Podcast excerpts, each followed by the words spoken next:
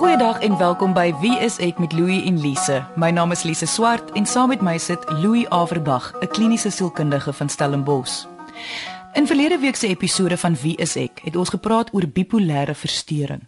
Ons het gesels oor wat die toestand is, die tekens om vooruit te kyk en hoe belangrik dit is om die siekte te bestuur. Indien jy die episode gemis het of weer daarna wil luister, kan jy dit as 'n pot gooi op RSG se webwerf gaan luister. Dis rsg.co.za en die sleutelwoord is wie is ek? Vandag se program is vir mense wat saam met iemand moet leef wat gediagnoseer is met bipolêre verstoring. Net soos in families of gesinne waar iemand gediagnoseer is met hoë cholesterol en almal se dieetplanne aangepas word om die een persoon te akkommodeer, is dit dieselfde konsep wanneer iemand met 'n sielkundige toestand gediagnoseer word. 'n Diagnose affekteer nie net die individu nie, maar ook die mense naaste aan hulle. En die effektiefste manier om so 'n situasie te hanteer is vir almal om saam aan te pas by die vereistes van die toestand. So vandag gaan ons gesels oor daardie vereistes en hoe almal kan help. Ons gas het ons verlede week al ontmoet, Johan van Rensburg. Hy is 'n geskeide man in sy laat 30's en gediagnoseer met bipolêre verstoring. Kom ons hoor net weer sy beskrywing van hoe hy die twee pole van bipolêr ervaar. Met ander woorde, die depressiewe fase en die maniese fase. So as jy na hipomanie of 'n manie ingaan, dan begin jy ehm um, basies jou eie realiteit te vorm. Jy sien die wêreld baie anders as wel, jy sien dit anders. Uh en om in 'n in 'n hoë uh, episode in te gaan in 'n manie episode, hipomanie episode. Daar's natuurlik verskillende vlakke van van manie. Ehm um, dit gaan so ver soos om hallusinasies te hê en so en so voort. Ehm um, ek was gelukkig nie heeltemal daar nie, maar my realiteite was ek het ek het realiteit baie anders ervaar as die mense rondom my. So in my geval het ek ek het by die werk byvoorbeeld ehm um, net dinge begin implementeer. Ehm um, ek het uh ek het organisasie uh, ontwikkeling uh rol gespeel in in in die in die in die in die in, in die werksplek en ek het letterlik net eenvoudig begin doen wat ek wou. En net eenvoudig gedink dat dit wat ek doen tot voordeel van almal sal wees.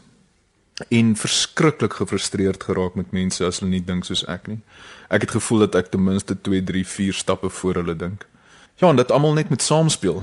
En dan as hulle nie flink genoeg is nie, dan raak ek gefrustreerd. Ek raak kwaad vir mense. Finansieel uh weer 'n keer die ding van jy dink jy kan absoluut enigiets regkry. Ek het in 'n kwessie van 3 weke het ek so 1.5 miljoen rand se uh, um skuld gemaak. Ek het voertuie gekoop, materiële dinge het ewe skielik baie belangrik begin raak, maar nie in die sin van dat ek as dat dit vir my siel belangrik was nie, dit was net 'n bewys van dat ek dit kan regkry. Nou kan ek vir almal wys hoe goed ek is en hoe belangrik ek is en wat ek alles kan regkry en dat dit maklik is. so vir 3 weke in my my ek het vir 3 weke dit was ek in 'n baie groot oog geweest. So ek so dis die een kant en die ander kant toe raak jy kan jy in 'n baie baie diep depressie gat val. Dit is regtig verskriklik om in 'n depressiewe episode te wees want jy voel dan letterlik dat jy geen uitweg het nie. Daar's net daar is nie die son skyn nêrens nie. um, daar is dis net 'n gat. Jy kan nie daar uitkom nie. Uh en wanneer jy in 'n hipomanie ingaan dan letterlik neem jy dit aan Ehm um, en jy ervaar dit vir wat dit dan vir jou is. En uh jy voel baie baie goed. En jy funksioneer baie goed. Jy dink helder of jy dink jy dink helder. jy dink helder. Ehm um, maar jy voel oor die algemeen dan baie baie goed. Uh en en jy dink nie dit is dan 'n probleem nie. So Louis So simpel soos wat die vraag nou maar is, maar is dit moeilik om saam met iemand te leef met 'n sielkundige diagnose? Maar dit's moeiliker as om saam met iemand te leef wat nie 'n sielkundige diagnose het. Dit is so. Maar dit hoef nie altyd moeilik te wees nie. Dit hang baie af van die tipe diagnose en natuurlik die graad van die diagnose nie. Ja. Wat maak bipolêr spesifiek uitdagend vir mense wat nie daarmee gediagnoseer is nie, maar daarmee moet saamleef? Gewoonlik twee dinge. Die een is die ekstremiteit van die twee pole. Jy weet hier sien jy 'n geliefde wat baie swaar kry en baie af is en depressief is en dan skielik sien jy dalk die geliefde wat heeltemal die teenoorgestelde is en wat droog maak partykeer. As hulle nie in die af affase is en anderwoorde as hulle in die maniese fase is. Ja, jy weet en dit is ook moeilik om dit te verstaan. Hoe verstaan mense dit? Net soos Johan se storie. Net soos Johan se storie. Wat ek nie besef het nie is is dat ek het my soos ek sê my eie realiteite opgemaak um en mense rondom my het my nie ervaar soos wat ek gedink het hulle my ervaar het nie. So nou 'n nabetragting ehm um, jy weet dat dit wat jy toe ervaar het nie dieselfde was as wat die ander mense ervaar het nie. Ehm um, so jy bevraagteken realiteit. Ehm um, en ja, jy voel jy voel 'n bietjie ja, verleë dink ek is die is die beste is die beste beskrywing daarvoor. En so die interessante ding nou daarvan is is dat okay, jy weet jy weet dit is 'n is 'n kondisie. Ehm um, maar jy kan ongelukkig ongelukkig kan jy nie jou verantwoordelikhede afskryf nie. Uh jy het nou gedoen wat gedoen is uh en nou moet jy dit hanteer. Soos ek sê, nou op 'n stabiele vlak kan mens dit relatief goed hanteer. As ek nie uitgestabiliseer het nie, dink ek sou ek dit nie kon hanteer nie. Soos ek sê, ek dink ek is is as ek in hierdie omstandighede was 'n paar maande terug, 'n jaar terug of wat ook al dan sou ek my eie lewe geneem het. So eenvoudig is dit. Uh en ek sou nie lig kon sien nie. Jy luister na Wie is ek met Louie en Lise op RSG 100 tot 104 FM. Louie net om vinnig op te som van verlede week se episode.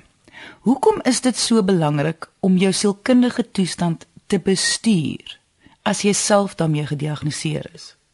Kyk, dis vir dieselfde rede as wat dit nodig is om as jy nou 'n gat in jou been het om dit te bestuur.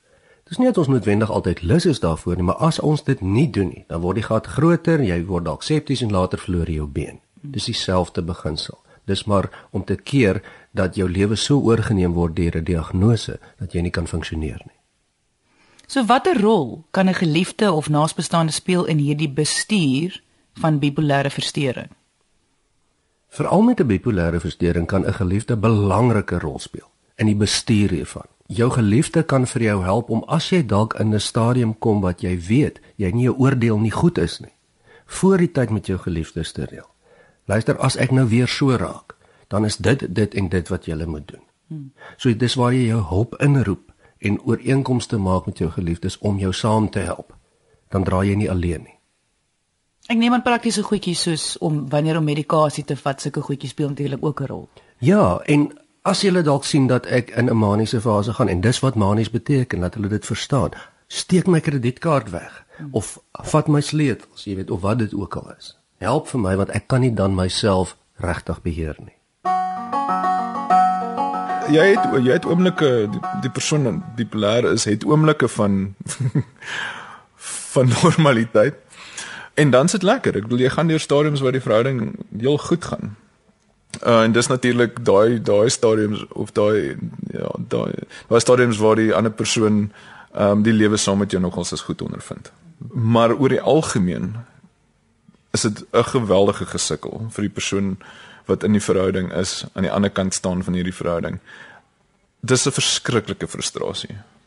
Want die die persoon vir wie jy lief is is of laag of hoog veral as jy nie weet dat dit 'n kondisie is nie, veral as jy onbewus is daarvan dat daar eintlik iets met hierdie persoon fout is, dan begin dit nader aan 'n persoonlike ding raak. Dan begin dit 'n ding raak van die ander pers die persoon begin jy eintlik op jou persoonlikheid aanval. Ehm um, want hulle raak so gefrustreerd met jou.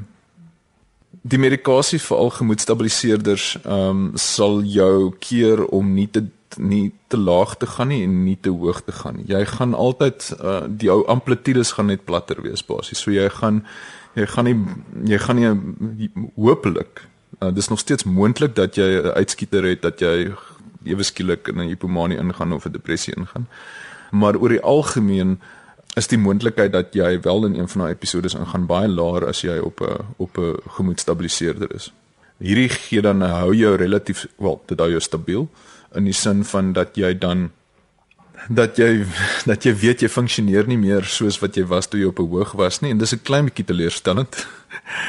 en mense wat daai hoog ervaar sal dan heel moontlik van hulle medikasie afgaan want hulle voel nou is hulle reg, nou is hulle 100%. Maar die gemoedstabiliseerders oor die algemeen sal keer dat jy in so 'n episode ingaan. Dis 'n tipe van jy moet op 'n op 'n plek kom waar jy aanvaar dat jy wanneer jou gemoed relatief goed gestabiliseer is dat jy nie daai hoë gaan hê nie en jy nie die lae gaan hê nie en die uitmis op die hoë sal jy moet aanvaar. Kan die persoon wat gediagnoseer is met bipolêre verstoring help wat hulle doen of beheer neem oor hulle aksies? Jy sien dis die ding. As mens byvoorbeeld in 'n maniese fase is en jy's volledig in daardie fase, kan jy regtig regtig nie keer wat jy doen nie. Mense het al die verskriklikste goed aangevang in maniese fase en dit is iets wat hulle nooit sal doen onder normale omstandighede nie. So nee, mens kan nie help daarvoor nie. En dis wat mense baie keer nie besef nie. Maar hoe gaan jy dan as buitestander weet dit is nou of die verskil sien tussen hierdie is die persoon, die persoon vir wie ek lief is en hierdie is dan nou die siekte? Kyk, dis waar mens saam moet werk met jou geliefdes, want jy gaan nie sommer weet nie. Nee, selfs professionele mense kan partymal nie die diagnose werk nie. So dis 'n ding wat mens oor 'n langer termyn moet bestuur. En amper sê, kyk, toe ek nou laas maand so en so was. Dis hoe ek is as ek manies is. Dis hoe dit gaan lyk in die toekoms. Dis wat ek kan help, dis wat ek nie kan help nie. Dis waarvoor jy moet vir my help om uit te kyk. En dan maak ons so. Spanwerk. Spanwerk. Ons gesels vandag oor bipolêre verstoring, maar ons fokus lê op diegene wat moet saamleef met iemand wat hiermee gediagnoseer is. Indien jy as luisteraar meer inligting soek oor die simptome van hierdie toestand of meeste ander sielkundige toestande, kan jy gaan kyk op ons webwerf wieisek.co.za of jy kan gaan na ons Facebookblad onder wie is ek met Louie en Lise. Ons gas vandag is Johan van Rensburg. Hy is 'n geskeide man in sy laat 30's en gediagnoseer met bipolêre verstoring. Ek besef dit is baie moeilik om saam met iemand te leef, 'n verhouding mee te hê wat wat bipolêr is. Sjoe, ja, dis moeilik, dis moeilik om te dis moeilik om te beskryf wat jy in daai in daai stadium hoe jy dan hoe jy opgetree het, ehm um, want dit het op daai stadium logies gelyk om so op te tree. En jou emosionele reaksies is net oordrewe. Altyd oordrewe. So wat dit dan moeilik maak is as die as die ander persoon dan ook relatief emosioneel reageer, uh dan gaan jy net oor in absolute emosionele toestand. En dit raak vir die ander mense baie moeilik om met jou te redeneer, want onmiddellik dink jy ja, maar jy's teen my. Jy kan nie my oogpunt insien nie jy is net besig om lelik te wees met my verskriklike selfbejammering. Dan dis nou as jy in 'n tipe van 'n depressie episode in is, sal jy verskriklik selfbejammerend wees en niks wat die ander persoon sê gaan jou uit dit uitlig nie.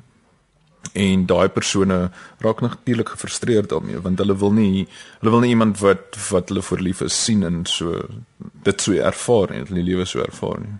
Dan is daar die ander kant dat wanneer jy in 'n manie in 'n hipomanie is, dan is dan natuurlik kan jy die wêreld oorneem en die ander persoon probeer jy dan net keer met alle geweld. Ehm um, letterlik vir jou probeer rasionaliseer hoekom jy nou nie al hierdie goed moet doen nie. En dan raak jy kwaad vir hulle. Louis, hoe kan 'n geliefde iemand help om 'n diagnose effektief of korrek te bestuur? Heel eers dit deur baie seker te maak dat jy dit verstaan deur met jou geliefde wat met die diagnose sit te gesels en te sê maar verduidelik vir my presies hoe werk hierdie ding. As hy of sy dit nie kan doen nie, praat met die sielkundige of die psigiater of die mediese mense wat betrokke en sê vir hulle luister, verduidelik vir my presies. Dit is jou reg. Jy is nie veronderstel om dit self te verstaan nie. Laat iemand dit vir jou verduidelik en as jy dit dan verstaan, dan sit jy nou saam met die persoon en sê goed, hoe kan ek jou help? En kry toestemming vir goed in die toekoms kan ek dan in die toekoms jou sleutel vat as jy wil ry as jy so manies is byvoorbeeld mm. en kry die toestemming? En hier is baie belangrik onthou jy werk nog steeds met 'n mens wat vir hom of haarself totaal kan self dink. Hulp is nie om jou mening op ander mense af te dwing nie. Dis om hulle te ondersteun in die pad wat hulle wil stap Jare gelede het 'n tannie vir my vertel hoe sy en haar man 'n ooreenkoms het dat hy vir haar sal sê as sy nou besig is om die huishouding oor te neem as gevolg van haar simptome en hoe sy na hom sal luister en vertrou as hy vir haar sê haar siekte neem nou haar gedrag teenoor hom of die kinders oor. Wat vir my uitstaan van hierdie storie is dat hul kommunikasie baie sterk is. Hy het presies verstaan hoe haar diagnose werk en sy het hom vertrou om die waarheid te praat sonder enige verwyte wanneer dit nodig is. So ek neem aan dit is wat jy bedoel. Ja, dat jou plan van aksie voor die tyd uitgewerk is en dat daar stappe is waaroor jy voor die tyd ooreenkom. As amper asof die eh, bestuur kommunikasie is dat albei moet eerlik wees met mekaar dat hulle mekaar verstaan. Ja. Ja, en dit begin en ek sê altyd dit begin deur die toestand baie goed te verstaan. Ek neem ook aan bestuur beteken ook om nie toe te laat dat die toestand almal se lewens oorneem nie. 'n Diagnose is tog nie wie iemand is nie. En dit is sekerlik ook nie 'n definisie van 'n verhouding nie. Ja, dit is maar 'n geval van 'n mens is nie jou diagnose nie. Jy weet niemand van ons is nie. Jy met jou gat in jou been is nie 'n gat in die been persoon nie. Johan is nie 'n bipolêre mens nie. Hmm. Hy ervaar sekere simptome van bipolêre probleme. Hmm. 'n Geliefdes moet maar help uitkyk om nie in dieselfde gat te val wat baie keer gebeur en iemand te etiketeer as 'n bipolêre mens nie. Hmm. Want dit is maar net 'n ou stukkie van wat jy ervaar op daai stadium. Jy weet en dat ons nie in dieselfde gat val nie en dat ons ons geliefdes help om ook die ander dele van hulle lewe uit te leef. En veral nie oorspoel dat dit in die verhouding, identiteit in die verhouding raak nie. Ja. Jy jy behandel dan daardie daardie aanval as 'n struikelblok in jou verhouding wat jy saam moet oorkom. Natuurlik sal daar baie mense wees wat die situasie gaan misbruik en jou toestand teen jou gaan gebruik of jou geliefde gaan eenvoudig nie jou diagnose aanvaar nie. Hoe sou jy sê hanteer 'n mens dit dan? Ja kyk, ek weet jy kan nie veel daaraan doen nie, jy weet. Ehm um, as as mens in 'n verhouding ingaan en die persoon word oor 3 jaar daarna siek, kry byvoorbeeld 'n ernstige siekte, dan is dit maar dieselfde situasie. Is jy dan bereid om die persoon te aanvaar so of nie? En as die geliefde nie die diagnose wil aanvaar nie, is daar niks wat jy kan doen nie. Hmm. Want jy kan nie dit help nie. As so, aan die einde van die dag lê dan nou maar net die gewone keuse soos in enige ander verhouding of dit werk of nie, lê daai keuse nou maar by jou. Ja. Maar selfs al ondersteun jou geliefde jou dan nou nie beteken dit nie dat jy nog steeds nie die verhouding kan hê of dit nog steeds baie goed kan bestuur nie. Jou siekte nie. Nee natuurlik. Enige diagnose, enige toestand wat iemand ervaar, beteken dit nie jou lewe stop nie. Dit is tog so of jy verkoue het of 'n griep het of 'n longontsteking het en of jy 'n bipolêre diagnose het. Jy leef daarmee saam die beste wat jy kan. En niemand van ons het 'n vlekkelose lewe nie. Ons het almal goed wat ons moet bestuur. Toe ons nou gepraat het oor die keuse wat jy maar moet maak in enige verhouding as dit nie werk nie, moet jy nou maar daai keuse maak. Baie mense voel hulle kan of mag nie iemand los in 'n verhouding wanneer daardie persoon gediagnoseer is met 'n sielkundige toestand. Dit is asof hulle skuldig voel. Um asof dit van hulle 'n slegte mens maak dat hulle dit nie kan hanteer nie. Dit is tog nie so nie. Mense verskil so baie dat elkeen se geval is anders. Jy weet, baie keer leef mens met mense saam met 'n sielkundige toestand en die mense wat gediagnoseer is maak dit so moeilik vir jou om hulle te ondersteun of saam met hulle te leef dat mens regtig nie meer kan nie. En, en partymal is dit nie die toestand se skuld nie.